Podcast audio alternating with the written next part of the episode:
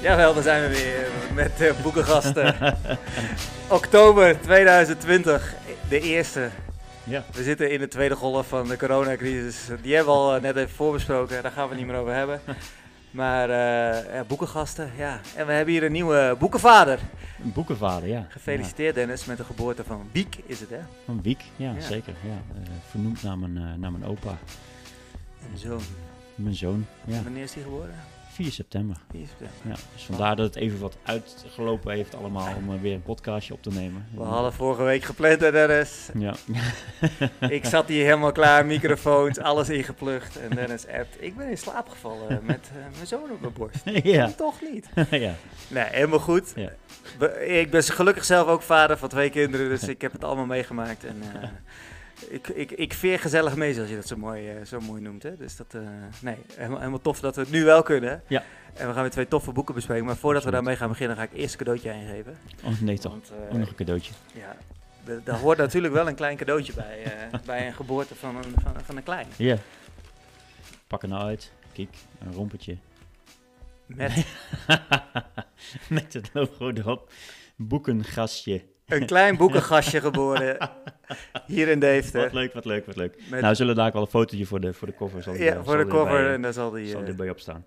Kleine, ik, ik hoop dat hij er nog in past, zo na de eerste maand. Want het is wel echt de meet, allerkleinste meet maand. bij Dennis en Marieke. Ja. Leuk. Ja, heel leuk. Ja.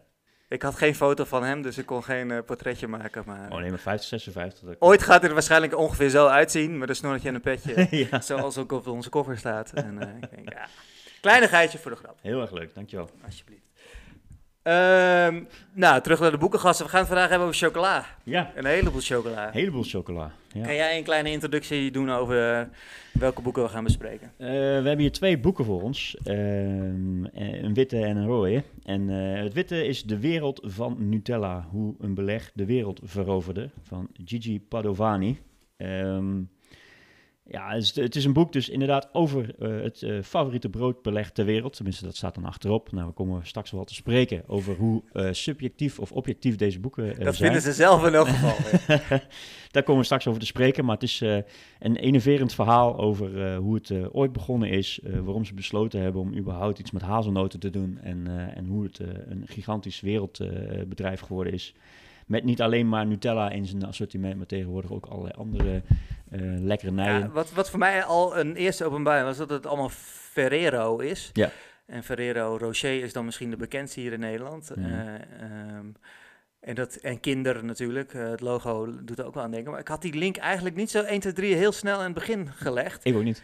En uh, ja, dat is, dat is een groot deel van het verhaal. Maar het is me nu pas opgevallen dat uh, als ik dus die pot, de grote pot Nutella die ik thuis heb staan, er staat Ferrero onder, had ik nog nooit gezien. Ja, dat was mij ook nog nooit dus, opgevallen. ja. En, ja. Maar goed, dat is de ene boek. En het rode boek wat hier ligt, dat is het wereldschokkende en onweerstaanbaar lekkere verhaal van Tony Chocoloni. een boek dus over Tony Chocoloni. Geschreven door? Door Jan, nee, Jeroen Siebelink. Jeroen Siebelink, journalist en schrijver. Uh, we zullen zo wel ook wel weer bespreken uh, of, of hij het vanuit ja, journalistenhart dit, dit boek al enigszins besproken in de puntkast. Uh. Ja, of, of het vanuit journalistieke oogpunt is gebeurd of dat het uit andere oogpunt is gebeurd. Maar het is in ieder geval ook weer een mooi beschreven verhaal over hoe Tony Chocoloni begonnen is. Hoe Tony Chocoloni zo groot nu geworden is en wat hun doel, missie is. Slash, is het nog wel hun missie of niet? Nou, daar gaan we vast wel wat het een en ander over, over doornemen. Um, het zijn allebei zeer interessante boeken om te lezen, maar wel vanuit ander oogpunt, vind ik zelf. Ik, ik merk dat, als we even daar naartoe gaan, Nutella vind ik echt marketing, marketing, marketing, maar ook bijna een soort van marketing studieboek. Het is echt, het is iets met marketing heeft dit boek wel. Ja. Maar enigszins een marketing. Ja, het is, maar het is eigenlijk ook bijna een, een beetje een reclame ook een beetje voor Nutella. Ja, nou, het is, er zijn allerlei reclameboeken, hè, toch? We, we gaan nou ja. de reclameboeken bespreken. Dat is, hè? Dus we, we hebben wel eens, we hebben boeken uh, liggen wat, waar toch echt meer in diepgang in het bedrijf gaat, maar dit is gewoon echt pure marketing dit beuken. is echt gewoon marketing. marketing wat zijn ze marketing. fantastisch, wat zijn ze fijn. Um, Och, wat zijn we toch geweldig. Ja, nou, dat zijn twee chocola. boeken die hier voor ons liggen. Um, maar uh, Nutella vind ik echt bijna een, een, een, een studieboek boek, een schoolboek, omdat ze allemaal Ja. marketingtips en trucs en dat soort dingen Ja, allemaal ik heb het met heel veel plezier gelezen. Ik hou Ja. erg van marketing. Ik heb het met heel veel plezier gelezen. Maar inderdaad, hoe meer bladzijden je, dat je echt denkt... oh, volgens mij is, is er ook nog iets slechts aan Nutella? Of Ja. is het echt alleen maar geweldig, geweldig, geweldig? Ja. Ja, maar en op een gegeven moment gaan ze zelfs dus ook in de, in de, eh, eh, eh, helemaal in de, in de diagrammen en wat dan ook allemaal, waarin ze laten zien van, nou, als je het zo aanpakt, dan kun je het een bedrijf, een merk goed neerzetten. Dus het is wel echt bijna, je zou het zo bij eh, studenten Bij- marketing neer Bij kunnen leggen. marketing, eh, ja. En zeggen, er staan allemaal goede tips in. En het andere boek, dat is eigenlijk een soort van eh, aan de hand van de oprichters geschreven eh, boek eh, over hoe Tony Chocoloni zo geworden is en ontstaan is. Mhm. Met het Alleen- begin van kunstdienst van waarde. Met het begin, maar alleen met En, de disclaimer er dus bij. Het is wel door hen opgedragen om te schrijven. Dus het echt ook gewoon, ook weer marketing, marketing, marketing. Want het is eigenlijk gewoon Dit weer, is gewoon een stukje chocola in boekvorm eigenlijk. eigenlijk wel. Ja. Dus, dus even die disclaimers even erbij, voordat we eh, verder We gaan vandaag een hoop reclame maken voor Tony Chocoloni en Nutella. Dat, eh, Dat gaan we sowieso vaak zeggen. dus Tony ik Chocoloni vind en eigenlijk Nutella. wel, mochten ze dit ooit horen, dat ze ons een pakketje mogen opsturen. Dat zou wel lekker zijn. Echt toch? Ja, ik vind ze allebei Want eh, wij zijn lekker. allebei wel. Ik heb hier ook een schaaltje Tony Chocoloni. Vijf verkopen ze ook een punt. Dus Ja. ik heb er even een paar neergelegd. En nou, je zei net al, Nutella, die pot staat bij jou op, het, op de ontbijttafel. Zeker, zeker. En eh, ehm, ja, ik zat hem op de camping te lezen. En rondom mij heen zag ik veel grote potten Nutella Ja, ja. staan. Dus ja. Nou, dat is toch ook op vakantie of zo, als je op een gegeven moment dan in een klein tentje ergens zit en je denkt van, nou, ik heb, ik heb in ieder geval een beleg nodig, wat, wat ik, het is een, eh, moet goed in de pot zitten. Het maakt niet uit of het nou warm of koud of wat dan ook is, want als het, kou- als het koud is, nou, is het prima, wordt het ietsje harder. En als het warm is, dan wordt het wat smeuiger. Nou, allemaal prima. Dan maar eens een grote beuken van een pot van Nutella. Want, dan pak je heel, s ochtends vroeg ergens, ook als je moeilijk hebt, heb je alleen maar een mes en eh, je haalt hem er flink doorheen en een goede laag eroverheen. En je hebt weer eh, Op je stokbroodje. Dat op je stokbroodje. Oh, dat is, Ik ja, denk voor, voor, voor een groot gedeelte van de wereld is dat toch wel echt vakantie. Een stokbroodje met Nutella. met Nutella, ja, Ja, dat is wel bizar hè, dat, het, dat het zo is. erg bijzonder. Ja. Eh, en ja, dat wil ik nu echt gelijk even aanhalen voordat ik het vergeet. Wat, wat ik echt wist, nog van vroeger ook wist, is dat ze, ze hebben dat dus in, dat vind ik een van de geniaalste marketingtips die in dat boek terugkomen, is dat ze het in een drinkglas deden. Er waren dus een aantal Mhm. mosterdmerken die dat ook deden. En Nutella heeft dat nog een stapje hoger gedaan door eh, Nutella in een soort van drinkglas te verkopen. Ja. Eh, zodat moeders, zeg maar, die de boodschappen deden, dachten: hey, als ik dit koop, koop ik gelijk een glas voor in de kast. eh, en eh, ik koop een eh, product wat ik op, op boterhammen kan smeren. En eh, ja, die hebben ze bedrukt van alle. Het is gewoon een collectors item geworden. Ja, dat vind ik echt een geniale marketing. eh, Zeker. eh, Mijn, mijn ouders en volgens mij ik zelf ook heb gewoon echt allemaal van die, van die potjes, van die glazen pot, Ja, heb ik nog steeds in de kast staan. Gewoon die dat, Nutella glazen. Ja. ja, dat Ja. heb je gewoon. Ja, dat, is, dat hou, je, hou je erin. En het is, Ja, dat, het staat volgens mij ook in het boek dat, dat in 90% van de kasten wel zo'n glas staat of zo. Weet? Ja. Percentage gezien hoeveel ze ervan verkocht hebben. Dat Ja, is ja. bizar gewoon. Ja. Maar ehm, wa- wat is jouw algemene indruk van beide, van beide boeken? Wat, wat vind jij Ja, nou? nou ja, wat ik al zeg, ik, ik heb van bij, eh, eh, To- eh, Tony Chocoloni zegt al een tijd geleden dat ik die gelezen heb. En Nutella heb ik dan deze zomer gelezen. En eh, ja, een feest van herkenning. Dat, dat, is, dat is het natuurlijk sowieso met, ook met Tony Chocoloni, daar hebben we het in de puntkast ook al een beetje over gehad. Is dat je, je leest dat en je herinnert die filmpjes weer van, van de Keuringsdienst van Waarde, waar ik, waar, waar, waar ik groot fan van ben van het programma. Ja. En eh, ja, dat kan je dus tegenwoordig allemaal op YouTube terugkijken. Dus tijdens dat boek ben je alleen maar aan het lezen. En dan denk ik, oh, hoe ziet dat eruit? En dan zet je het aan en dan kan je het terugzien. En dan zit je in dat verhaal. En eh, ehm, ja, het is, het, is, het is ook gewoon echt, echt een merk geworden. En hoe dat dan daarna overgenomen is. En hoe die gast als eigenlijk een soort van... eh, eh, hoe heet die chocoladefabriek? eh, Willy Wonka. Willy Wonka een chocoladefabriek wilde hebben. En eigenlijk Tony Chocoloni gekocht heeft om dat te kunnen doen. Ja. En dat echt een marketingman ook is. Dus ja, eh, ehm, die dat dan weer op een hele andere manier in de wereld... Ja, ik vind dat, ik vind dat fantastisch om dat te lezen. Ja. En het Nutella-boek hetzelfde. Ja, wat ik al zei, ja, ik heb daar heel erg van genoten. En ehm, ja, voor- vooral de marketingtips die erin zitten. En eh, ehm, ja, dat, dat hele verhaal. Het, het is ook echt wel een oud verhaal van Nutella. Ja. Eh, het begint dus met die Ferrero. Die, eh, jij bent daar beter in om, om zo'n verhaal even te, re- eh, te herhalen. Weet jij het nog? Of, eh, Eh, ik, heb, ik heb Tony Chocoloni meer op mijn netvlies zitten dan eh, Nutella. Uh, in elk geval, het begon volgens mij dus inderdaad met in de tijd van in de oorlog of iets dergelijks dat er, dat er weinig chocola was. Ja, chocoladebonen. En dus toen gingen ze denken, wat kunnen we dan gebruiken? Nou, hazelnoten waren schijnbaar in die tijd in Italië, want daar komt Nutella vandaan. Ik dacht ook dat het een Duits product was. Had jij dat ook toevallig? nee, zeker. maar ik wist, niet, ik, ik wist niet zeker, maar ik had, ik had met Nutella had ik wel Italiaans in mijn hoofd ja? zitten. Ja? Oké, okay, ik had dus Duits in mijn, in mijn hoofd. Okay. Ik weet niet waarom, maar misschien komt het door kinderen ook. Dat, dat daar een beetje een, ik had daar wel een soort connectie, omdat het logo er heel erg op lijkt. Het is hetzelfde, hetzelfde trucje met de, met de kleuren van, van de letters en een beetje ook hetzelfde lettertype. Dus ik dacht heel erg dat het een Duits product was. En toen ik het boek begon te lezen, ja, in Italië dit, in Italië dat, in Italië zus. Ik denk, Italië. Oké, nou, dat ging dus allemaal over Ferrero. En eh, eh, als ik me goed herinner, ehm, gaan ze op een gegeven moment dus inderdaad met, met, met hazelnoten. Het is een bakker, geloof ik, hè? Mhm, Zij gaat een soort van taartje-achtig ding, maar een chocolaatje eigenlijk maken in een papiertje. Klopt. Ehm, wat ook zoiets heet. Het heet niet Nutella dan nog, maar daar hadden we, Ja. even, hadden we even op moeten zoeken. Gi- eh, Gian Dulot of Gia, zo? gelato of zo, gelato. Ja. In ieder geval eh, iets in die trant. En dat wordt een Ja. soort, soort eh, eh, chocolaatje. Ja, Gia Duatiti. Gian Duatiti. En zo is Gian Duatiti geworden. Ja. Ik spreek het waarschijnlijk helemaal verkeerd uit. kan jij een poging doen? Gian Duatiti. Ja, dat klinkt, eh, klinkt al een stuk Italiaans. Poepie, En papi, eh, papi, poepie, ja. ehm, ja, er staan ook plaatjes van in, van in het boek, van, van, die, van, van dat wikkel. Even kijken, even de plaatjes erbij. Kijk, daar staat het ook op. Ja. Een soort gouden, gouden papiertje met een hazelnoot.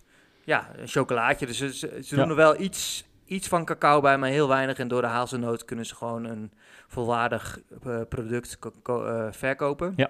En op een gegeven moment gaan ze onder de naam Ferrero eh, dingen verkopen. En dan ook daarin is al echt super veel marketing komt er. naar. En dan gaat het naar Super Crema, wat een, soort, wat een soort voorloper is van Nutella.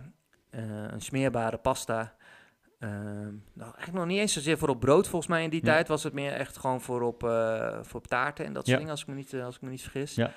En, maar wat, waar ze dus uiteindelijk die slag naar brood hebben gemaakt, omdat brood dus eh, zeker een item was rond die tijd van oké, een, een, een goede stevige boterham, dat is, dat is waar je de dag mee begint en dat is het allemaal. En een glas melk. En een glas melk. En, en, maar toen gingen ze eh, bij de winkels gratis een smeer Nutella over de broden doen bij kinderen die er langskwamen met een brood. En dat heeft dus een soort van hype opgeleverd dat mensen dachten, hé, hey, dat is ook wel geinig om dat op brood te doen. En dat hebben ze gewoon eigenlijk, ja, eigenlijk is het geven wat ze hebben gedaan, heeft enorm dus ook weer aan hem weer teruggegeven. Dus dat is, dat is het beginverhaal zeker wel van dat die pasta zo, zo eh, het, het overnam. Ja, wat ik ook zo mooi vond, is dat, ik kan je je nu niet voorstellen, maar dat ze dus heel erg, ook alle foto's die we hier nu voor ons zien, die in dat boek zitten, laat dan een pot zien met een boterham, een verse boterham. Dat is echt, Ja. is allemaal nog getekend en geschilderd eh, in die tijd. Dat Ja. is ook een heel mooi verhaal eh, over, die, over die, kun- eh, die kunstenaar slash vormgever die dat gemaakt heeft. Mhm. Die dan zo'n verse boterham en dan staat er zo'n mes met een smeuïge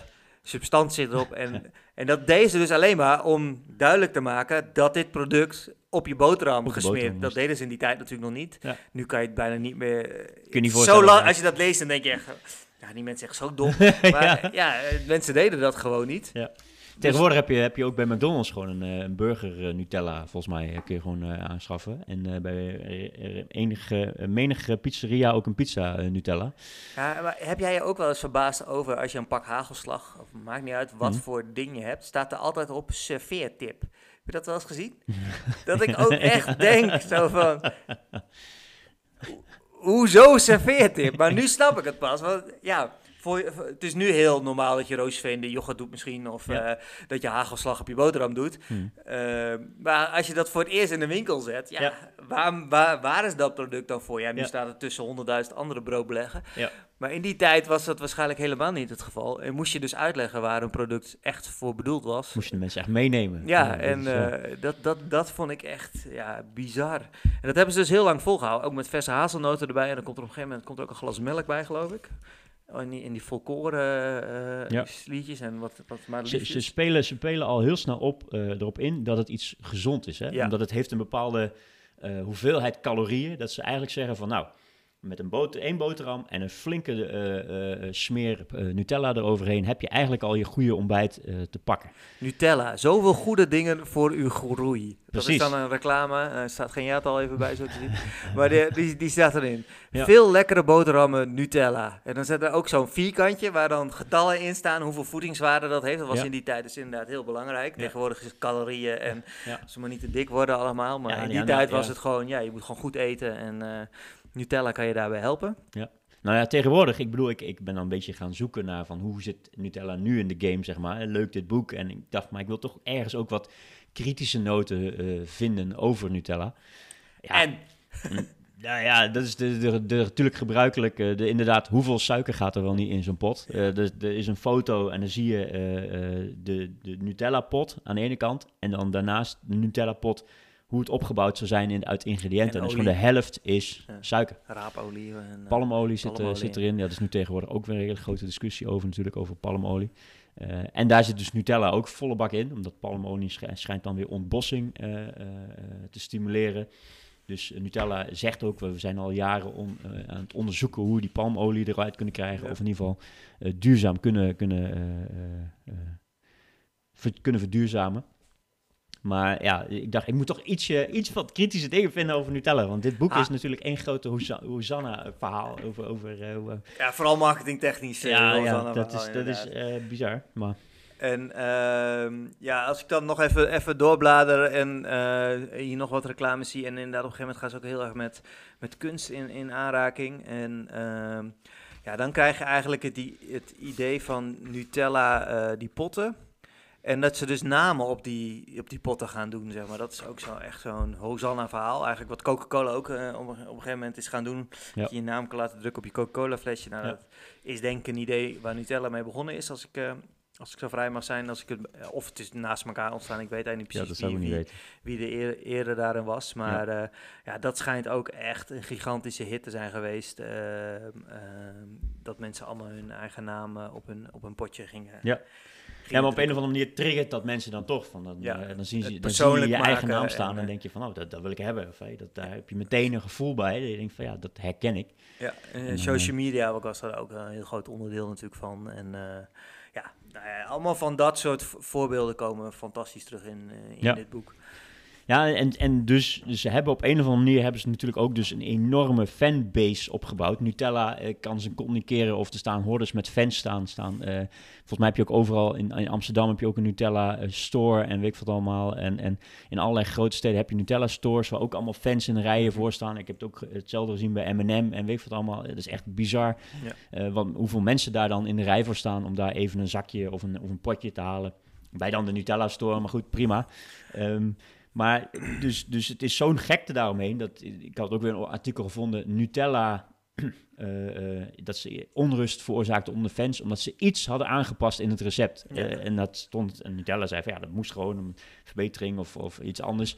En fans helemaal verbolgen en dat kan toch niet. En dan gaan we merken in de smaak en weet je wat allemaal. En dan moesten zij dat helemaal goed gaan praten. Zeggen van nee, nee, de smaak blijft hetzelfde. Alleen we moesten iets wat aan de aanpak. Ja, dat is echt bizar joh. Het is echt Facebookpagina's vol aan... aan ik, ben, ik, ik eet nooit meer Nutella nu ze dit hebben aangepast. En, ja, dat is echt te, te gek voor woorden eigenlijk. Gewoon die praat over chocoladepasta, hè? En over een product eh, dat Ja. iemand bedacht heeft. En wat, eh, ja, dat wordt dan op een gegeven moment geclaimd door, door, de, door de fanbase Ja. of zo. Ja, ja, dat wel, kan me niks meer voorstellen. Echt gewoon dat, dat dan bijvoorbeeld dat wij als, als, als Davo naar buiten brengen. Ja, we hebben, we hebben iets meer hop erin gedaan, zodat er toch iets meer verfrissing komt. En dat er dan gewoon een gigantische eh, boycott Facebook. Facebook-pagina's en weet allemaal. En mensen voor de deur en die allemaal zeggen van, dat kun je niet doen. En eh, ik moet, ik, dat is, dan vind ik het niet meer lekker. En jullie gaan, ik ga jullie helemaal kapot maken. En Ja, bizar, ja, ja, het bizar. is echt... eh, Nou, volgens mij genoeg over Nutella. Laten we even naar Tony Chocolonely Even naar Tony gaan. Chocoloni. Nou, eh, je, je zet het al een klein beetje in het begin neer, maar ik dacht van, eh, eh, ik heb ook wel even wat teruggezocht nog. Maar dus inderdaad opgestart door een trio aan journalisten die bij Keuringsdienst van Waarde erachter kwamen dat bij chocoladeproductie, dat daar toch wel veel kinderarbeid slash kinderslavernij. Ze hebben dat slavernij er wel iets erbij opgeplakt om ervoor te zorgen dat het dus groter zou worden dan dat het was. Hè. Ze wilden wat, wat sterker erin stappen dan dat het was. Eh, omdat ze eigenlijk nooit echt slavernij hebben aangetoond, maar wel dat het kinderarbeid was. daar zit dus ook een beetje het gekke raakvlak van. Want kinderarbeid, daar zeggen ze daar in heel veel families is dat normaal. Een kleine kind gaat ook helpen op, de, op, de, het land. Dus daarom spreken ze van kinderarbeid in plaats van slavernij. Alleen ze wilden het iets meer aandikken. En toen hebben ze het dus slavernij genoemd. Ehm, en dat is opgericht dus door die drie gasten, Teun van de Keuken, Maurice Dekkers en uh, Roland Duong.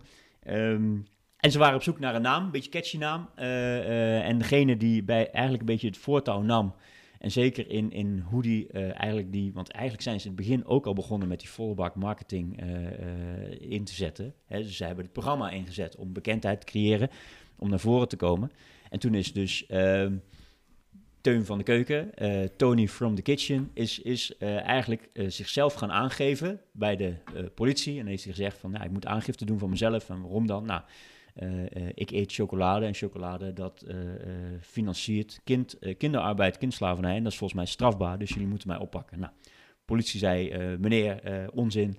iedereen eet wel chocola, dus fijne dag. Nou, vervolgens heeft hij zelfs een advocaat ingeschakeld van niet om hem uit de gevangenis te houden, maar om hem in de gevangenis te krijgen. ja.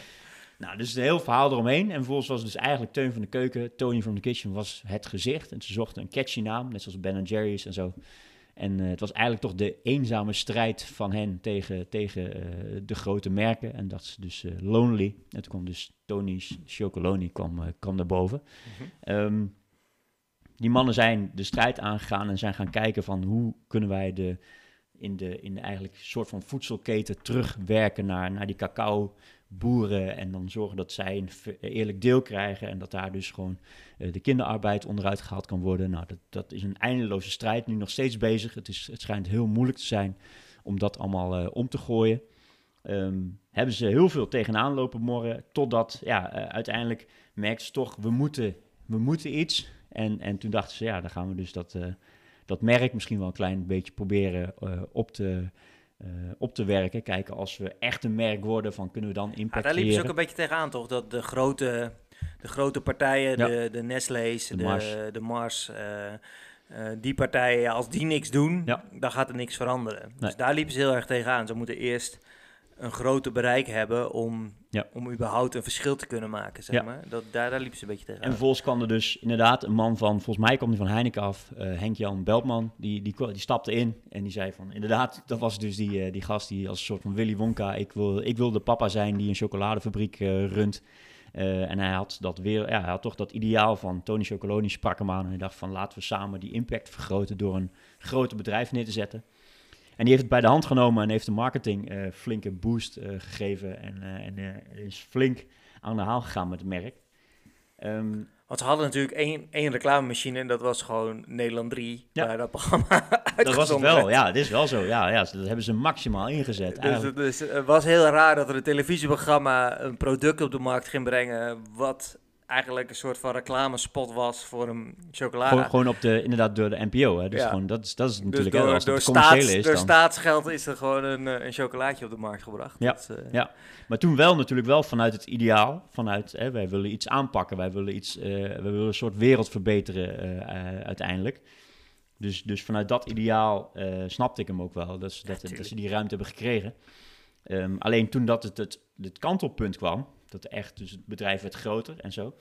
Ja, toen kwam de frictie kwam erin. En, en dat is het jammere, vind ik, dat dat boek het iets minder belicht. Omdat ja, ze moesten een soort van positief verhaal uh, neerleggen. Want ja, wat dus uiteindelijk blijkt is, het is een boek in opdracht van Tony Chocoloni. En niet een kritische journalist of een journalist die denkt, ik ga dat bedrijf even binnenste buiten keren. Mm -hmm. um, en toen kwam die klinkslag dus van dat ze zei, oké, nou wij gaan, het doel wordt uiteindelijk gewoon om een grote jongen te worden. En dan het onderliggende doel wordt, werd steeds verder weg uh, geduwd. Hè? Dus dat eigenlijk de kinderarbeid werd minder een dingetje dan uh, uiteindelijk het doel om misschien winst of groot of wat dan ook te worden. En mm -hmm. ja, toen ging het wrijven. En eigenlijk daar neemt mijn interesse het. Op een gegeven moment neemt mij dat over. Ik merkte ook dat in het boek werd een heel klein beetje, werd op een gegeven moment een klein beetje beschreven van oké, okay, frictie Teun van de Keuken en, en ah, Die bleef 1% eigenaar of iets dergelijks? Ja, eh, zelfs tegen de zin van Teun van de Keuken in. Die zei van, ik wil er helemaal niks meer mee te maken te hebben. En toen heeft dus die Henk-Jan Beltman toch nog gezegd... nee, ik wil dat je nog steeds gewoon een, een procent houdt... of dat je in ieder geval... En ook de het integriteit blijft. van, van Tony Chocoloni waarborgt. Ja. Ik ook wel wel Nou ja, de, het is- de kritische kant van... eh, Dat en, en dat die Henk-Jan Belman is natuurlijk ook gewoon hartstikke slim om toch nog enigszins aangehaakt te houden. Want als je toch nog enigszins aangehaakt bent, dan zul je het niet helemaal afvakkelen. Hè? Dus dan Nee. blijf je altijd nog een soort van gereserveerdheid houden om... om, om Ah, het boek beschrijft een beetje dat hij dat niet doet. Zo, eh, er worden allemaal avonden georganiseerd en zo. En Ja. daar wordt Teun van de Keuken een beetje neergezet als... Ja, van eh, eh, wat zijn jullie aan het doen en wat Ja. is dit voor, voor rare, rare, rare freakshow. Ja. En, ehm, maar inderdaad, het is wel een beetje, hoe noem je dat? Praten een eigen parochie wat het boek doet. Ja. Om het zo maar te zeggen. Absoluut, ja. Ja. En, en ik, ik had het dus, want dat is dus ook eh, dit boek. En, en, daar, en dat is, eh, als we nu al iets meer gaan praten over, nou, wat vinden we van überhaupt eh, de schrijfstijl van het boek. Nou, als ik echt naar Tony Chocoloni kijk, het is een super fijne schrijfstijl, vind ik. Want ik vind het heel fijn hoe die beschrijft als een soort van verhalende vorm, hoe die door dat bedrijf heen gaat. Hij noemt dat volgens mij zelf fly on the wall techniek. Dat hij, dus hij was er eigenlijk soort van bij. Ja, en, je- het, is, het is alsof je naar die filmpjes zit te kijken, alleen dan uitgeschreven echt. Ja. Dus je hebt, het is heel beeldend geschreven. Precies, dus, dus er staat echt gewoon eh, eh, Maurice eh, zucht en Teun kijkt uit de ruit en, en bedenkt, zit bedachtzaam ergens naar te denken. Ja, Dat komt ook omdat alles vastgelegd is Ja. door, de, door, door het televisieprogramma. dus je ziet veel in de film, Ja. eh, alleen daar zit dus ook weer, hè, dus dat vind ik, ja, ik heb, ik heb er enorm veel eh, eh, omheen gekeken, omdat ik vond het zo interessant en ik vind die Teun van de Keuken gewoon een heel interessant ook, persoon. ja, elke keer als ik hem in programma's zie of zo, dan ga ik er echt voor zitten en denk ik, oké, hij heeft geen blad voor de mond, hij gaat ook gewoon volle bak. En toen heb ik gewoon ook een stukje zitten kijken. Toen zat hij bij Jinex zat hij, en daar praatte hij over het boek. En toen zei hij ook, ik sta niet achter het boek. Eh, en ook omdat daar dingen in worden gezegd over mij, terwijl nooit met mij gesproken is. En die persoon schrijft alsof hij erbij was. Hè? Dus hij zegt, Teun keek uit het raam, zuchtte, trok een frons en zei toen... En zei, ja, hoe weet hij dat nou weer? Hè? Het staat niet op camera, staat niks. Gewoon, hoe kan hij dat nou weten? En dus, dus dat, dat is zijn... een beetje, zijn eh, mooi, mooi, mooi gemaakt. ja, ja maar, maar het is wel een fijne schrijfstijl. Ja, ik, het ik is moet zeggen dat je, je echt- wordt inderdaad, het is alsof je een soort filmscript Ja. script eh, doorheen waait, zeg maar helemaal. Ja, vooral ook omdat je dus eh, delen van de film gewoon kan kijken. Ja. Zeker op een gegeven moment gaan ze ook naar die landen toe en gaan ze, ja, en dat, dat beschrijft hij zo beeldend. Ja. Eh, maar dat wel zo dat je denkt, oh, ik wil toch even zien hoe dit er nou in het echt uitzag, weet je wel? Of hoe dit, hoe dit in de, in de, in, op het tv-programma. En dat is wel leuk van tegenwoordig, dat je gewoon YouTube op kan en gewoon kan zoeken en dan... Ja. 90% eh, vind je alles wel Ja, eh, ja, eh, ja. daarvan. Dus dat, is, ja, dat vind ik heel leuk aan. Ja, ja, ja, je kunt echt ook bijna alle, alle afleveringen wel terugkijken van, van hoe hun, hun, hun, hun verhaal vorm gekregen heeft. Het is echt leuk om dat te doen. Als je het boek gaat lezen, dan is het echt leuk om het boek te gaan lezen. En dan gewoon, als je een stuk gelezen hebt, dat je denkt, oh, ik wilde toch even kijken hoe dit er dan in beelden uitziet. Dan krijg je echt wel dat, zeker als je fan bent van Keuring van Waar, dan krijg je echt wel dat gevoel erbij. En, eh, Ja. Maar ook daarna nog, hoor, want daarna gaan ze dus van allerlei gekke marketingachtige dingen doen. En dan wordt het echt meer een marketingboek ook, vind ik. En ehm, dat, dat is ook heel leuk om dat te zien. Want Ja. ja, zo'n zo'n Tony Chocoloni store, wat hebben ze nog meer? Eh chocoladeletters. eh, Ja. Eh, Nou ja, ze gaan op een gegeven moment natuurlijk het hele, hele scala eh, gaan ze helemaal af. eh, en, ze, en, en dat is dus ook een weer, misschien de ene kant weer wat, wat de charme er misschien iets van afneemt. En de andere kant misschien juist weer wat het juist weer overneemt. En dat, dat, dat juist de mensen die charme weer bevalt. Hè? Dus dat daarom... Nou, wat ze, wat ze heel goed hebben gedaan, is dat heel veel mensen nu het gevoel hebben... als ik een goed stukje chocola wil kopen, dan moet ik Tony Chocoloni kopen. Want Mhm. zij zijn eh, die strijd daaraan aan het aangaan. Het zijn die sympathieke jongens en zo. Hè? Dus dat en zit zo... slaafvrij, hè? Dat, eh, Ja, ja is- de boodschap is steeds meer veranderd. Hè? Het is nu volgens mij is tegenwoordig is het Het- sa- samen naar slaafvrije... eh, staat hier volgens mij nog. Oh, dit is zo klein, dan kan je het niet eens lezen. Maar de, bre- de brekende dingen staan er nog steeds op. volgens mij is het nu samen naar een, samen naar een 100% slaafvrije wereld of zo. Elk geval nog steeds slaafvrij. Maar in ieder geval, eh, ehm, dat boek neemt je daar gewoon eh, eh, eh, wel enorm tof in mee. Eh,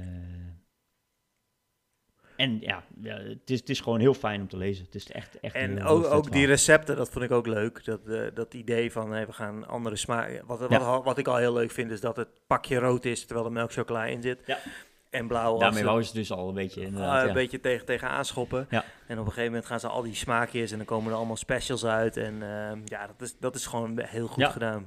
Nou, en, en dat is dus ook, dus als we dus, nou ja, we zijn nu volle bak dat eh, verhaal in aan het gaan. Dus dat is, eh, eh, eh, wat ik heel erg eh, eh, leuk vind om te, de, wat dit boek beschrijft, is natuurlijk ook een soort van eh, toch hedendaagse, hippere start-up gevoel. Hè, Ja. wat, wat, hè, dus die Henk-Jan Belman heeft dat eh, overgenomen en, en toen ging dat echt eh, in zijn werking. Dat die heeft er wel voor, altijd voor gepleit. Het personeel is mijn uithangbord. Dus die moeten het fijn hebben. Die moeten eh, op een top goed in hun, in hun vel zitten. Dus ja, ze, ze gingen allerlei dingen met personeel Maar doen. ook het goede bedrijf sfeer. was, was gewoon een soort van experience Ja. room voor, voor, eh, voor Tony Chocoloni. Ja. En allemaal van die, van die gekleurde, eh, weet ik veel. eh, Ja. Ja, en ze mochten allemaal, als ze ge- gekke ideeën hadden voor smaken, dan mocht iedereen, iedereen kreeg een eigen reep. En als die aansloeg, nou, dan gingen ze die uiteindelijk uitbrengen. Iedereen, iedereen die binnenkwam kreeg een pakket met, met Tony Chocolonis mee naar huis. En, ja. Gingen allemaal, al- allemaal mee naar de chocoladefabrieken. En, dus, hè, dus mensen zijn, ja, het is wel ook, dat is heel tof om te lezen hoe zij dat, hoe zij dat hebben Gewoon aangepakt. dat start-up idee inderdaad, wat, eh, wat Ja. in die tijd denk ik nog in Nederland niet zo heel veel was. Nee, maar dat is, dat is wel eh, eh, wat dat boek ook super interessant maakt om te lezen. Dat je eh, die sfeer die ze daar neer probeert te zetten. Ehm, De speelsheid. dus dat is wel ja, enorm tof om te lezen. Alleen, ja, nou, wat... wat nou, laten we eerst naar Nutella gaan voordat we naar kritische noten gaan van de, van de dingen. Ehm, eerst even naar Nutella. Wat, wat vind jij van de schrijfstijl van dat boek? Ja, wat jij al in het begin zei, het is een marketingboek. Ja. En zo is het ook geschreven. Ja. En eh, je hebt wel een beetje het gevoel dat je terug op school bent. En, Ja. ja, ja ik, ik had dit boek heel graag op school gelezen, laat ik het zo zeggen. Liever dan de, de marketingboeken die ik op school heb gehad. Ehm, het, is, het is gewoon een heel concreet verhaal. En het laat heel goed zien hoe je een, een groot merk in... eh, wat, wat heel raar is, is dat het natuurlijk Nutella heet. Het is eigenlijk een me- submerk van Ferrero. Dat, dat is wel, blijf ik nog steeds heel vaag vinden. Dat je in Ferrero eigenlijk niks zegt. Eh, en dat, dat Nutella een groter merk is dan, dan, dan het hoofdmerk. Ja. Dat, dat, is, dat is wel heel gek eraan, maar voor de rest is het... eh, Ja, maar zoiets kan natuurlijk, uiteindelijk kan een bepaald product je het, het Ja. helemaal overnemen natuurlijk. Hè? Dus als, daar hebben we met, met, met Davo ook wel eens naar gekeken. Van stel eh, Surf ja. Daar hebben we ook over nagedacht. Van stel dat wordt groter dan Davo eigenlijk. Dat mensen eigenlijk niet eens weten van wat is Davo nou. Maar ze weten wel, hey Surf Ale, dat ken ik wel.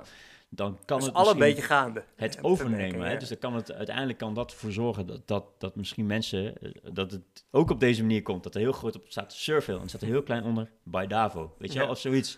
Maar dat, dat, eh, dus dat gevoel heb je dus natuurlijk hier natuurlijk ook. Dat, dat Nutella heeft zo'n enorme knal gemaakt. Dat ja, dat bedrijf wat erachter zit, ja, zal heel veel mensen een, wor- een, een worst wezen. Van het, Mhm. het gaat om, om dat product. En dat product heeft het natuurlijk helemaal... eh, Ja, en het is nog steeds een familiebedrijf, hè? Ja. Dat is, dat is ook wel bijzonder. Zeker na het lezen van de Ja. Heineken-verhalen, dan is dit ook wel heel leuk, omdat eh, Ja. eh, dat, dat dat hier ook echt het geval is. Echte familie en nog steeds. En de familie Ferrero, volgens mij heet ze ook nog steeds Ferrero. Ferrero, eh, ja. ehm.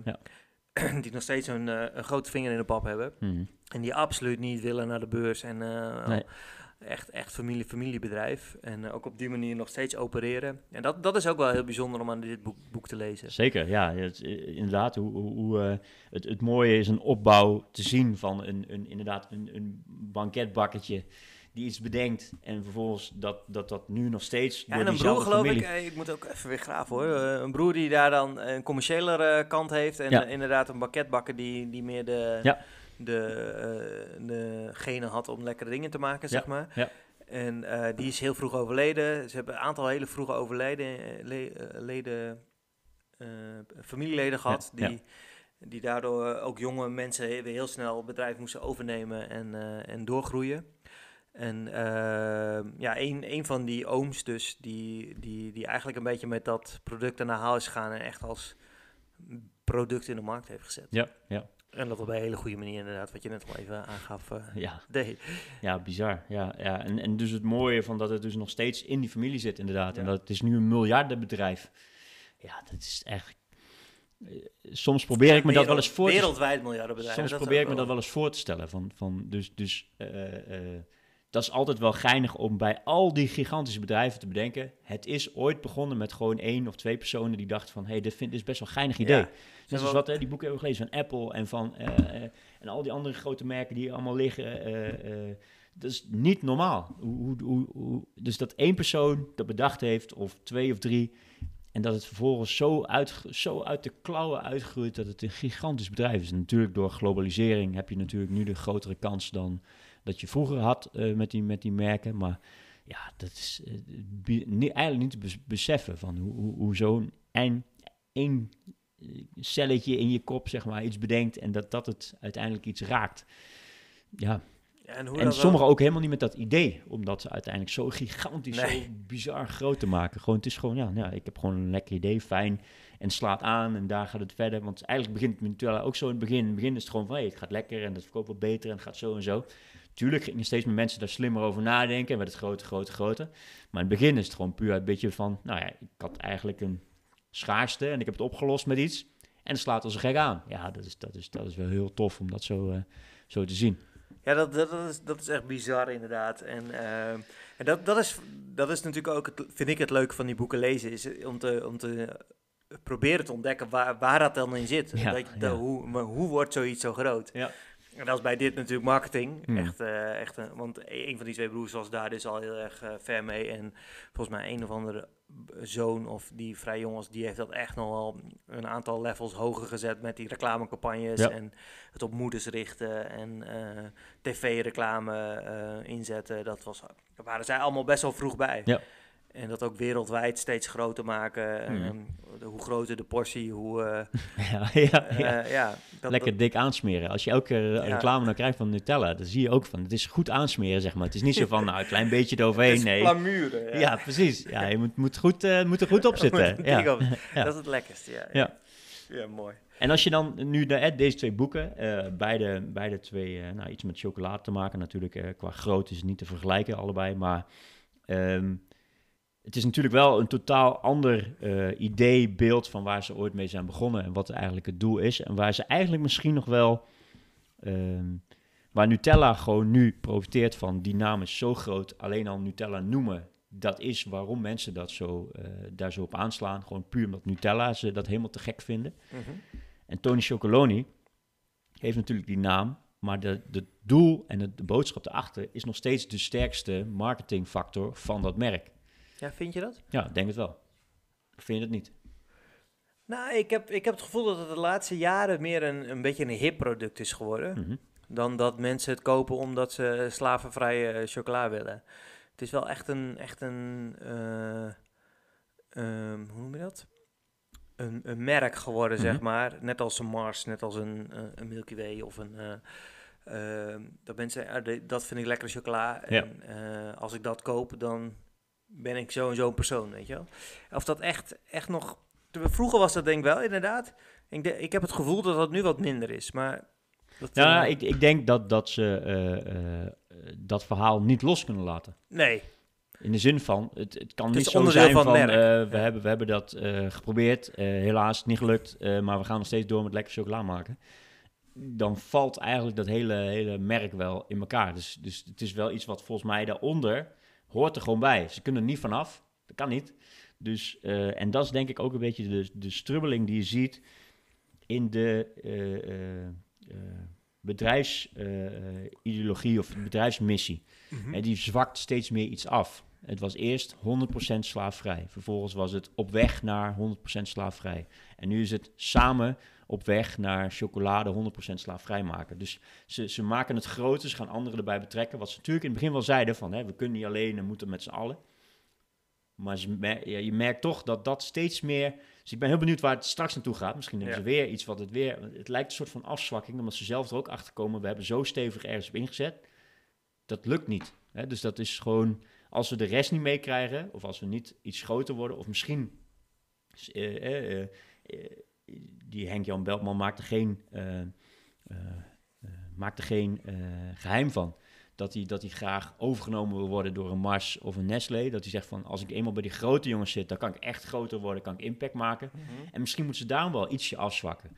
In de zin van te hard roepen, te hard ergens die kant op nooit zo'n bedrijf dat overnemen. Nee, nee. Dat kun, want dan, dan, dan denken die, ja, die jongens die zijn te rebels, die, die uh, maken geen compromissen en daar kan ik helemaal niks mee. Dus waarom zou ik ze in godsnaam in mijn portfolio opnemen?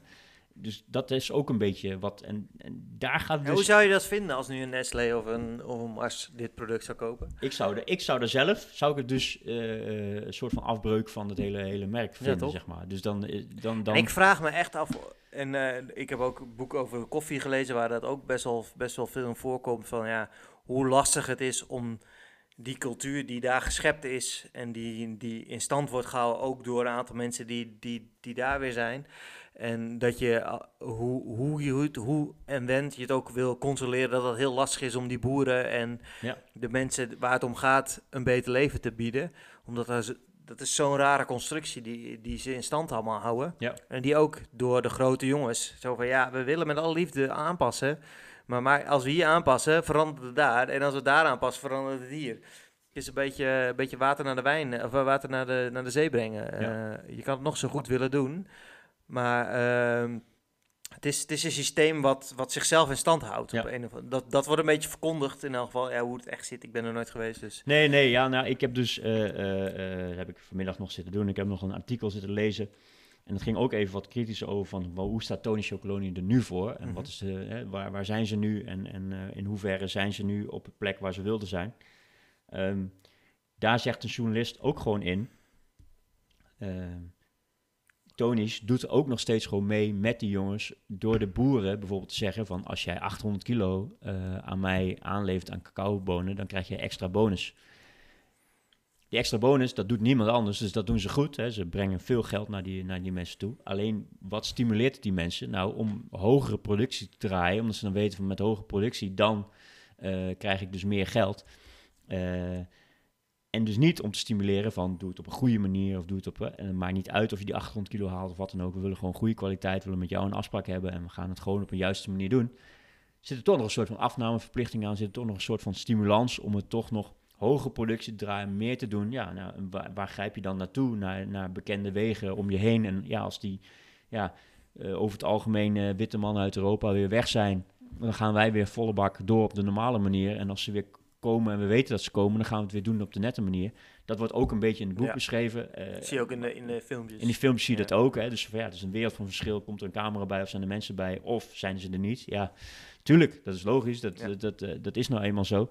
Um, het is niet logisch natuurlijk, maar het is Nou, nee, logisch, maar logisch voor wat daar nu gebeurt. Je wil het niet, maar dat, ja, uh, gaat maar eens tegen en hou continu de, de vinger aan de pols. Mm het is, het is een gekke, gekke eh, wereld, maar het is wel heel interessant dat je met hen dat verhaal induidt. En dat je met hen kijkt van, van hoe zit zoiets, eigenlijk iets waar, je, waar je altijd vanuit gaat. Het is ook weer zoiets. Je gaat nadenken over wat is voor mij gewoon standaard. Het is gewoon die chocoladedingen overal. Als je ziet wat een rits aan, ook in de supermarkt, allemaal liggen aan chocolades. En dan, ja, het, is, het ligt er als product.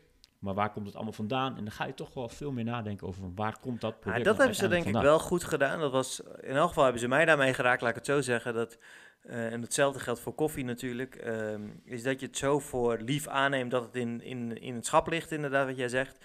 Maar dat je nooit echt nadenkt, hoe komt zo'n product hier? Ja. En, uh, um, en hoe, hoe kan het dat dit 2,50 kost en dat 50 cent kost? Ja. Dat, ik kan me nog herinneren dat ik uh, bij Albert Heijn vakken vulde. En dat je inderdaad die repen van de Albert Heijn in de vakken legt. En dat je denkt, waarom kost dit nou? En een reep Milka kost dat, weet je wel. En ja, bij Milka is het waarschijnlijk reclame. Want er moet een paar seconden ergens in een wei staan. en uh, daar moet een filmpje van gedraaid worden. Ja.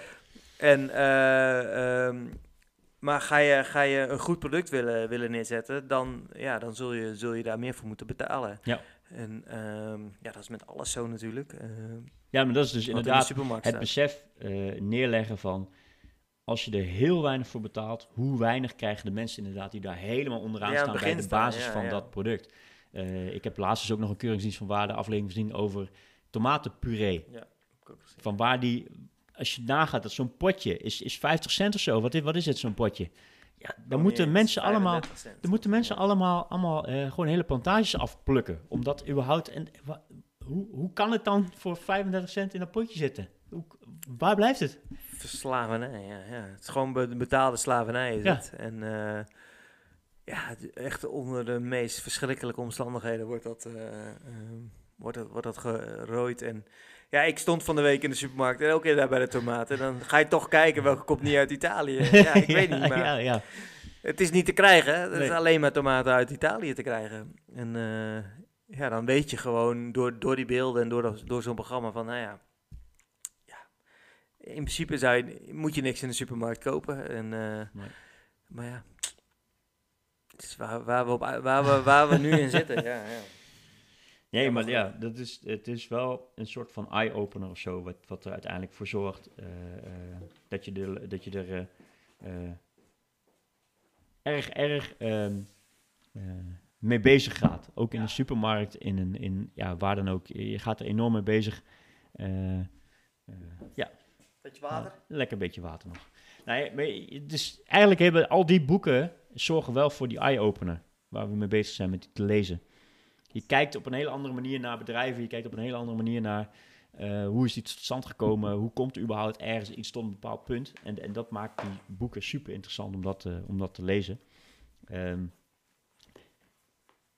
wat, wat heb jij als meest... eh, eh, eh, eh, welk, welk van de twee boeken vind jij het meest tot, die, die aan het denken zet? Tony. Ja. Ja. Niet tellen zet je, ja, het is voor mij gewoon interessant omdat ik marketing interessant vind. Ja. Maar zet je nou niet verder heel erg aan denken over de wereld. Over, eh, komt er heel minimaal in voor. Nee. En jij? Nou ja, ook Tony. En, en met name Tony, omdat, ja, dus inderdaad wat we al zeiden, van ja, je gaat van alles opzoeken over, over het merk, over hoe zit Teun van de Keuken er nu in. eh, eh, en allemaal filmpjes zitten kijken. Wat ik nou ineens had, ik was dus even weer die films aan het kijken. Is, eh, Tony, eh, Teun van de Keuken, die Tony is helemaal afvakkelt op hun eigen eh, jaarlijkse bijeenkomst.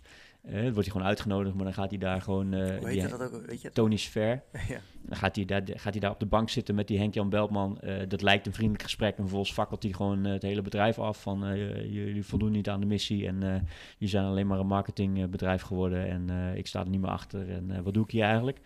Ehm, en die Henk-Jan Beltman die probeert er maar eh, bij weg te lachen. En die probeert maar eh, de, de vriendelijke vrede te bewaren. Maar in zijn hoofd kookt het ook. Want dat lees je dus ook weer in interviews. Van, hè, Ja. Dus die Teun van de Keukens eh, is alleen maar bezig met schoppen. Want dat is het enige wat hij kan. En dus hij is nog steeds een soort van Greenpeace bootje... wat tegen de olietanker aan, aan vaart. Van jullie doen het niet goed. Hè, dus we doen ons best, staat, zegt hij dan de hele tijd. Maar ik snap aan de andere kant ook wel dat, dat de Teun van de Keuken dat moeilijk vindt. Dat hij dan volgens weer dingen leest van die Henk-Jan Beltman. Van eh, ik wil een chocoladefabriek à la Willy Wonka. En ik wil een, een, een met achtbanen en weet ik wat allemaal. En dat, dat die Teun van de Keuken ook denkt, jongen, waar doe je? Hè? Dat, doe je toch, dat doe je niet om er vervolgens voor te zorgen dat die jongens het in Afrika allemaal hartstikke goed Nee. hebben. Hè? Dus dat doe je alleen maar voor je eigen eh, beeld van een groot merk. Hè? Dus jij wil Willy Wonka spelen en, en, Mhm. en, niet, en niet die kinderen helpen. Dus dat is wel alleen wat me toen uiteindelijk bij elkaar bracht, dacht je ineens. Teun van de Keuken zei in een interview. eh, de strijd dus hè, voor het slaafvrijmaken, dat heeft ons in het begin dus geholpen. En dat heeft dus die boost gegeven in het begin. Hè. Het heeft ons bekendbaarheid gegeven. Zo Albert Heijn en zo, die hebben daardoor de, de kans gegeven van kom er maar in te liggen.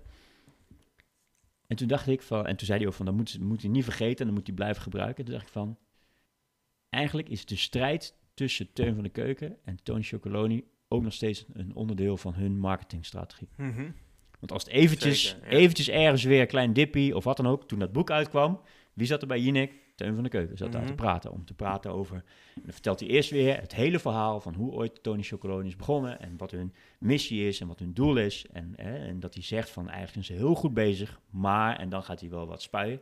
Maar eigenlijk zit hij daar gewoon weer dikke reclame te maken. Dus de strijd tussen die twee is toch eigenlijk een soort van ultieme marketing eh, eh, inzet. Dat, dat gevoel krijg ik soms wel een beetje. Als je dus al die filmpjes weer gaat kijken. Het zorgt voor reuring, het zorgt voor dat er iets Ja. gebeurt. Hè, dus, sle- eh, Slecht nieuws is ook nieuws. Ja. Precies, ja. Dus de, ja, negatieve marketing is ook marketing. Dus, dus wat dat betreft kunnen die twee misschien ook wel helemaal niet zonder elkaar. Gewoon, ja, ja, ja, het is ook de naamgever. Ja, het, Ja. het is, het is wel, eh, ja, het is Ik, logisch, eh, maar Ik denk ook dat het, eh, dat dat wel eeuwig aan elkaar verbonden is. Ja. En, maar inderdaad, ja, op het moment dat het verkocht zal gaan worden aan de grote, grote jongens, dan... dan, dan ben ik heel benieuwd naar Tim van de Keuken. Hoor. Want Ja. die zit daar dus ook. Ik heb, ik heb drie interviews van hem gezien. En die zei, mijn, ik ga helemaal stijgen en ik, ben, ik, ik, ik ga het helemaal verschrikkelijk vinden als ze ooit worden verkocht aan Mars. Hè. Dus Mhm. mijn, dat is mijn doembeeld, mijn schrikbeeld. Dat dan, dan is het kapot. Ja. Dus ja, dat, daar ben ik, dan ben ik wel. Dus dan ga ik misschien wel eh, eh, met een potje bier eh, eens even kijken naar, naar, naar het volgende interview van hem. Maar ja, dat is wel zeer interessant wat er dan, wat er dan gaat gebeuren. Zeker. En de kaft hebben we nog niet besproken. De kaft hebben we hem niet besproken. Nou ja, je, je beschreef net het boek van eh, Tony Chocoloni al als een, eh, als een eh, eigenlijk een stuk chocola. Want dat is het ook eigenlijk. Hè. Als je het boek bekijkt, het is totaal dezelfde layout en stijl als, als, de, als de repen. Zeer grote, grote letters in een soort van chocoladevormen, de chocoladelettervormen. Ehm Met een reep chocolade. met de reep chocolade erop. Dus het is denk ik wel een boek. Je moet wel drie keer kijken naar de titel, even goed proberen te lezen. Het is niet zo eentje die, die lezen, direct, direct van denkt van, hé, hey, dat is de titel van het boek. En ook op de zijkant eh, denk je, ja, wat een lange titel voor voor een boek. lange titel, ja. Ehm, alleen, ja, aan de andere kant, ja, de reep van Tony staat er voorop. Dus, dus het is wel aansprekend voor, eh, voor dat. Het is die, die, aan- die kenmerkende rode gloed van eh, de rode kleur die ze als, als eerste reep hadden gebruikt. Dus wat dat betreft denk ik wel dat het, dat het een aansprekende kaft is die ik wel zo zou pakken. Als ik hem zie Ja, liggen, zeker. dan denk ik, dan pak je hem meteen erbij. Mhm. Ja, die andere, dat komt gewoon alleen al door Nutella. Gewoon hoe Nutella erop staat, daar, daar sp- spreek je op aan. En je denkt, dat is, dat is een boek over, Kijk, over wat, de wat pasta. dus echt geniaal is aan dit boek, is dat er een spotlak gebruikt is. Dat eh, alleen op de plekken waar Nutella Ja. is, is het gl glinsterend, de rest is een matboek. En dat maakt dit boek al echt, echt om op te eten, gewoon, Ja. qua vormgeving. Het is echt een Ja. wit boek met, eh, met, met, met dan de, eh, de wereld in boterhammen, besmeerd met, eh, met chocoladepasta. met die, die glanzend van de palmolie opge- en Nutella wat glinst. En de rest van de tekst is dus, is dus mat. Is mat, ja. Ja, ik vind dit een van de mooiste vormgegeven boeken die... eh, Is, maar het spreekt direct aan. En Die- het- die je, de- ja, je, je- weet wat je, de, zit. wat je hem pakt, ja. ja. Ja, het zijn eh, eh, allebei dus zeker op kaft zou ik ze zo eh er in één keer uittrekken. Eh, de ene puur omdat ik al getriggerd word van wat, wat staat er überhaupt. En de andere is gewoon direct duidelijk. En je denkt, wauw, dit is, dit is inderdaad een boek. Eh, Ja, en het, en het leuke is dat dit Nutella-boek nu echt super, super goedkoop te krijgen is. Dat Ja. is ook echt verbazingwekkend, want ik was wat inkoop aan het doen bij bol.com en toen werd deze mij aangeboden voor eh, volgens mij 5 euro of zo, nog niet Ja. eens. Ja, nou, het is echt een super fijn boek. Ik ben heel blij dat, eh, dat, dat, ik, hem, eh, dat ik hem heb gelezen. En het Tony Chocoloni boek, ja, dat is eh, eigenlijk gewoon bijna een cadeautje. Ja. Wat je iemand... eh, Ja. En eh, voor mij beide boeken om te bewaren. Vooral ook de marketingwaarde, zeg maar. Wat je, eh, eh, ik, ik zou ze met alle liefde aan iedereen willen uitnodigen die, Zeker. die hem willen lezen. Maar Ja. ja, ja het zijn wel be- bewaarboeken voor Absoluut, mij. ja. En ja. Ik zou ze er zo ook weer bij pakken. Ik word die ook alweer direct getriggerd. Ik denk van, Ja. die ga ik over een tijdje gewoon nog een keer lezen. Gewoon, ik vind het gewoon, het is gewoon heel interessant. Puur ook omdat alles eromheen maakt het dan ook weer interessant. En Ja, het zou wel leuk zijn als dit ook als een soort van film Ja. gemaakt zou worden. Ja. Dus met echte beelden van, van, van de keuringsdienst Ja. naar een, so- een soort van totaalverhaal. Dat zou, dat zou hier echt wel, echt wel goed bij passen. Zeker, En, eh, zeker. het zou één grote reclamespot zijn, maar aan de andere kant... eh, Ja, ja. Ja, ja dat, maar dat zijn ze dus allebei wel. Ja. Heb je iets wat je mist aan beide boeken? eh, kritiek. Ja. dat, maar dat, dat heb ik soms wel. Ja, maar dat is denk ik, denk ik inherent aan, aan dit soort boeken, is dat als je eh, eh, een verhaal gaat lezen over, over een bedrijf, en dat is bij alle boeken die hier op tafel liggen, denk ik, dat het, ja, het is toch een beetje een reclamepraatje. Ja. En ja, heel af en toe zit er dan wel een... Ja, het is natuurlijk ook, je, je, kiest, je natuurlijk wel de, inderdaad de bedrijven uit waarvan je denkt, oké, dat zijn inderdaad grote, succesvolle bedrijven. Dus ja, waar, waar ja, zit, maar waar ook zit, waar daarin zit zitten de kritische- negatieve dingen natuurlijk. Dat is, eh, Zeker. het verhaal is gewoon heel erg tof. Ja. En, ehm, eh, dus ja, als je op zoek bent naar kritiek, moet je misschien meer het internet op gaan. En, eh, Ja. Daar kan Ja, je maar dat triggert, dat vinden. triggert dus die van Tony Chocoloni wel enorm toe, vind ik. Dus om wel eromheen te zoeken en te kijken van, hoe, gaat het nu met hun missie? Of, of hoe zitten de, de, de, de, de beginnende, de- hoe zitten de oprichters er nu in? En hoe, dus daar, daar word ik bij die enorm toe getriggerd. Bij Nutella denk ik, ik ga zo weer een boterham met Nutella eten. Dus dat, Het is echt met recht niet te doen om dat boek te lezen en niet te denken van ik ga zo meteen een boterham vertellen. nee, Is niet te doen. nee. Dus als je, niet van, als je dat niet wil, ga niet dit boek lezen. Zet wil je maar- wel hem- dat, die ervaring hebben, moet je dat vooral doen. Zet hem niet zichtbaar in de boekenkast, Nee. zeg maar. Maar dan denk je de hele tijd, oh, Oh, ja, ik oh wil een boterham, boterhammetje met Nutella pakken. Echt, het is echt heel erg. En dan heb ik ook wel een beetje met de Tony Chocoloni boek hoor. Dat, Ja, je, ja, ja, ja. dat je toch, eh, je gaat toch zo'n reep kopen als je dat boek aan het lezen bent. Ja. Je gaat, Ja, maar het valt, het valt eh, eh, mij zelf ook Dus hoor. het- Dus het sinds is ik het gelezen is heb... voor eh, Davo misschien ook wel een goed idee om een boek uit te brengen. waardoor mensen zin krijgen in een biertje. In een biertje, ja. Dat is toch echt wel bizar dat dat. hoe, hoe marketing dan werkt. Hè? Ja. Hoe- en dat een boek dus ook marketing is, kan Ja, zijn. En, Zeker. Het is natuurlijk wel, eh, misschien bij sommigen moet je afvragen, wat is je doelgroep, wie wil je bereiken? Eh, eh, boeken is nou eh, is nog steeds, ik heb, ik weet niet, heb je Zondag met Lubach gezien? Ik bedoel, begrijpend lezen in Nederland en, en boeken lezen is nou niet hobby nummer één. Ik, ik, ik, ik onderstreep wel wat hij zei hoor. Van Ja. dat, dat de manier waarop. Ik ben ook dyslect en ik vond het vroeger ook echt niet leuk om te lezen. En ik had nooit gedacht dat ik ooit een boekenpodcast zou, zou op gaan nemen. Maar ehm, dat heeft er alles mee te maken inderdaad dat, je, dat er op die manier, eh, eh, hoe noem je dat, lezen door je strot gedouwd werd. In plaats van, ik, op een gegeven moment kwam ik achter dat ik boeken van Jacques Friens leuk vond. Mhm. En dat las ik in één zucht door, omdat dat, dat een leuke schrijfstijl, ik weet niet meer waarom, maar in elk geval, dat triggerde mijn interesse op dat moment. Mhm. En eh, toen kwam ik er pas achter, oh, le- lezen kan ook heel leuk zijn, in plaats van begrijpend lezen van een stom stuk tekst waar moeilijke woorden in staan. En dan moet je gaan bepalen welk woord... eh, Is eh, het, eh, is een samenvatting, is- een conclusie? is- een- is, is de hoofdvorm, wat is de inhoud en wat is de, wat is de eh, conclusie, ja. Flikker op, echt. Ja. Eh, Plezier in. Ik zeg het nu ook tegen mijn kinderen hoor. Het is nu kinderboekenweek. En ik probeer altijd elk jaar wel een, een boek te kopen voor, eh, voor mijn kinderen. En eh, meestal een boek waarvan ik zelf ook eh, geïnteresseerd ben. Want ik vind het ook gewoon zelf heel leuk om kinderboeken te lezen. Daar kunnen we ook nog een keer een podcast over maken trouwens. Eh, ik heb twee hele leuke, leuke kinder, aantal hele leuke kinderboeken Hm. om te bespreken. Ah. Moet je kleintje nog ietsje groter voor zijn, maar voorlezen moet je heel snel mee beginnen. Dat doe ik al. Ik doe, voor je het weet het regelmatig meer eh, leuk. ben ik eh, Jip en Janneke ben ik Ja. aan het voorlezen. Van. lees ik nu ook voor, toevallig. Oh ja? Dat is toevallig. Nou, Ja, het is... is wel een beetje stereotyperend ook, Jip en Janneke. Dat is toch een Beetje. dat in andere, andere tijden geschreven is. Een beetje eh, wel. Maar dat is... Ja, De grootste droom van Jip eh, is, eh, volgens mij wilde die brandweerman. notaris worden Oh, notaris. en pijproken. Pijp. en Janneke, huismoeder Ja, en, ja. en kok. Ja.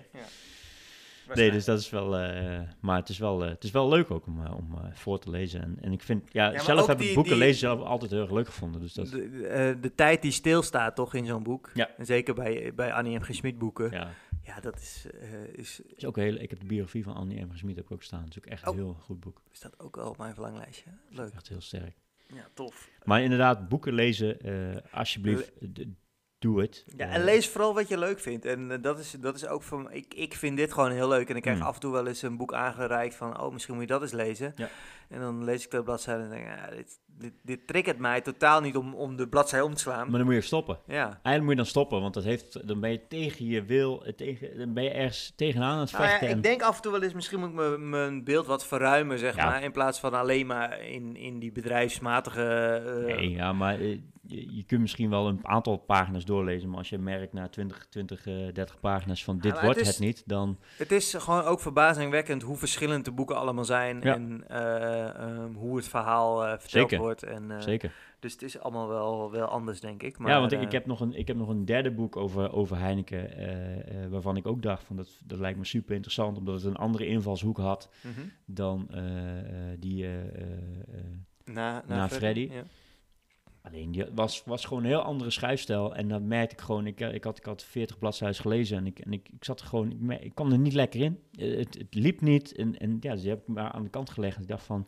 dit is niet, ja, of misschien is dit mo- niet moment. Het kan misschien zijn dat ik hem eh, over een jaar erbij pak en denk, hé, nou, dit, nu vind ik het wel heel erg interessant. Mhm.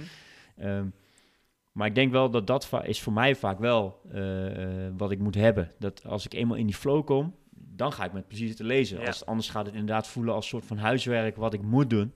Ja, eh, dan, dan wordt het echt, echt gewoon niet leuk van. Eh, ik, ik, eh, als ik daar dus, als het me te lang kost, te veel tijd kost om in een boek te komen, dan kan ik me beter aan de kant leggen. En het moet gewoon een page turner zijn.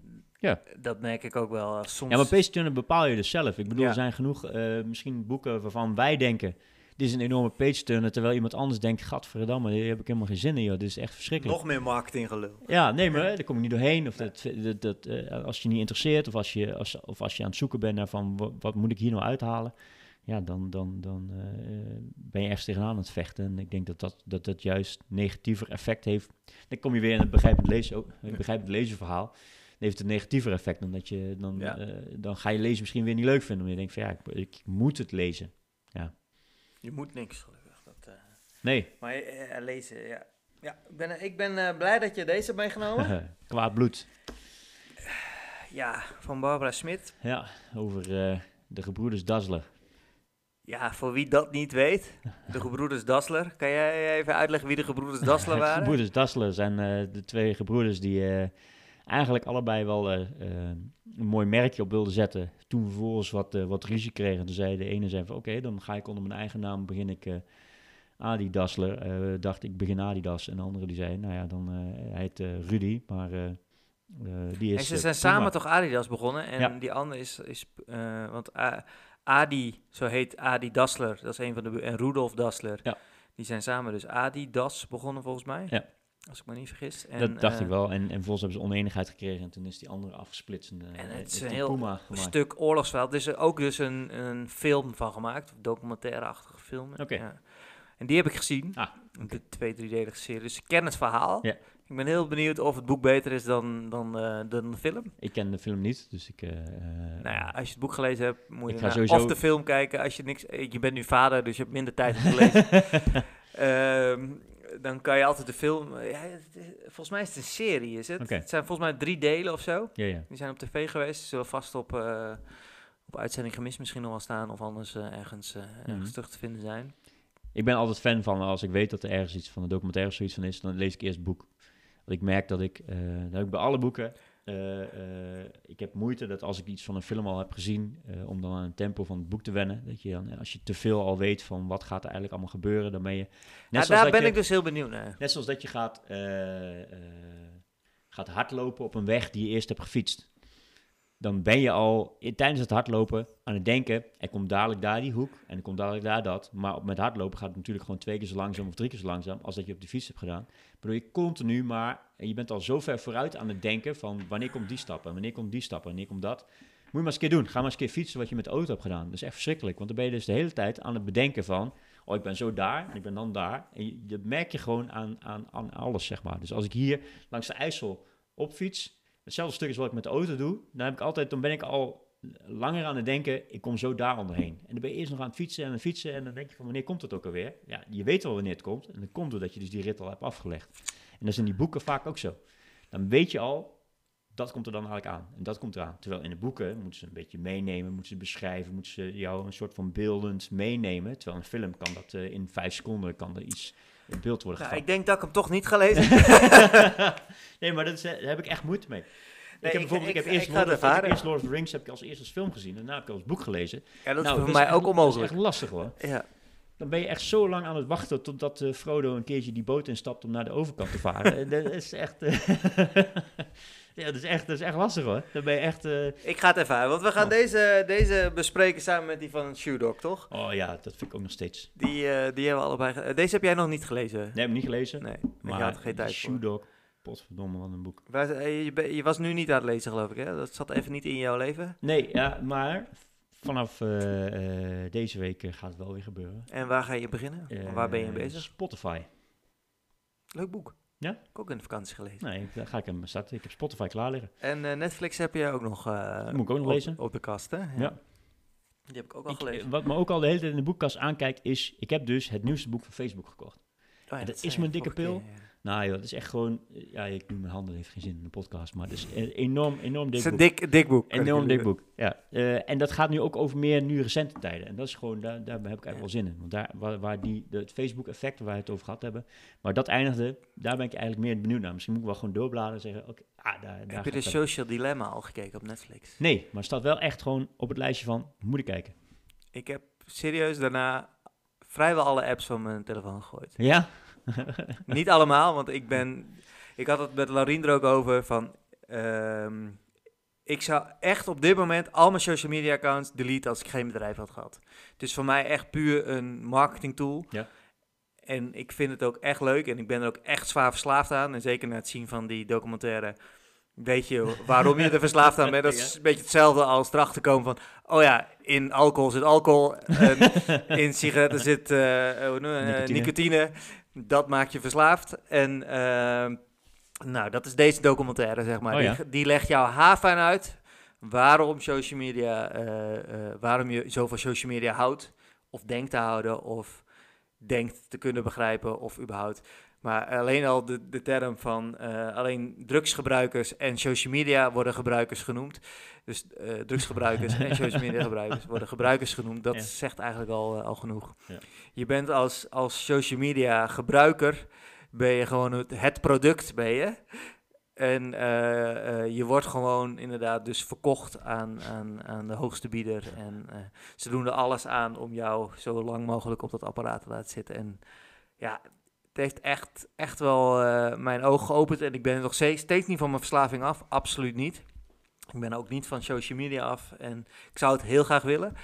Eh, en er komt zeker een dag. Maar eh, ja, het is echt wel een Netflix-documentaire. Zoals er heel veel zijn na het zien van de Netflix-documentaire Vlees, weet ik veel. Mhm. of, of zoet, dat je denkt, ik ga nooit meer suiker eten. ik ga nooit meer vlees eten. Zo'n documentaire is dit ook. Het is echt een Netflix-documentaire. En het is ook echt een, ja, eh, hoe noem je dat? Eh, ook dat is gewoon om je zoveel mogelijk op Netflix te laten kijken, zeg maar. Dat, is, dat, dat ik nu mensen op ga roepen, ga Netflix kijken. Dat is eigenlijk een beetje het hele idee van, van deze hele documentaire. Ja. Dat we dat doen.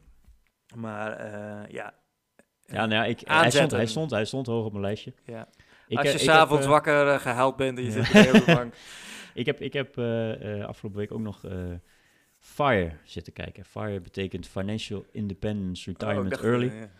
En eh, eh, dus dat, daar zijn mensen die er alles aan doen om zo op zo'n vroeg mogelijke leeftijd eh, financieel onafhankelijk te zijn. Ook op Netflix. En het is niet op Netflix, op Vimeo. Daar heb ik gewoon gekocht, zeg maar, voor, voor 4 of 5 euro of zo. Want dat wil jij ook? Of, Ik vind het een interessante gedachtegang. Eh, hoe mensen daar, die zijn daar gewoon mee bezig van, wat heb ik eigenlijk minimaal nodig? Dat is eigenlijk al het enige wat ze doen. het gaat Gewoon, er niet om zoveel mogelijk geld verdienen. Het gaat erom Je gaat rond zijn werken- om te, om te Je kunnen gaat leven. werken naar, eh, eh, ik, ik kan leven met de helft van mijn salaris. Dus ik, ik ga er naartoe werken dat ik met de helft het kan doen. En de andere helft, die zet ik of opzij, ga ik mee sparen of ga ik aan beleggen. Dus dat ik er meer van kan maken. Maar wat, als het gewoon stilstaat, Mhm. dan, dan wordt het dus uiteindelijk meer. En dan komen ze op een kantelpunt dat ze dus meer rendement krijgen uiteindelijk uit wat ze dus hebben opzij gezet, belegd of wat dan ook. Waardoor ze dus, eh, en omdat je dus je uitgaven hebt gehalveerd, dat dus dat bedrag veel eerder bereikt wordt, waarop op een gegeven moment je rendement gewoon je inkomsten is. En dan kun je gewoon zeggen, ik stop met werken, eh, want alles blijft gewoon doorgaan en dat geld blijft gewoon komen puur uit mijn rendement.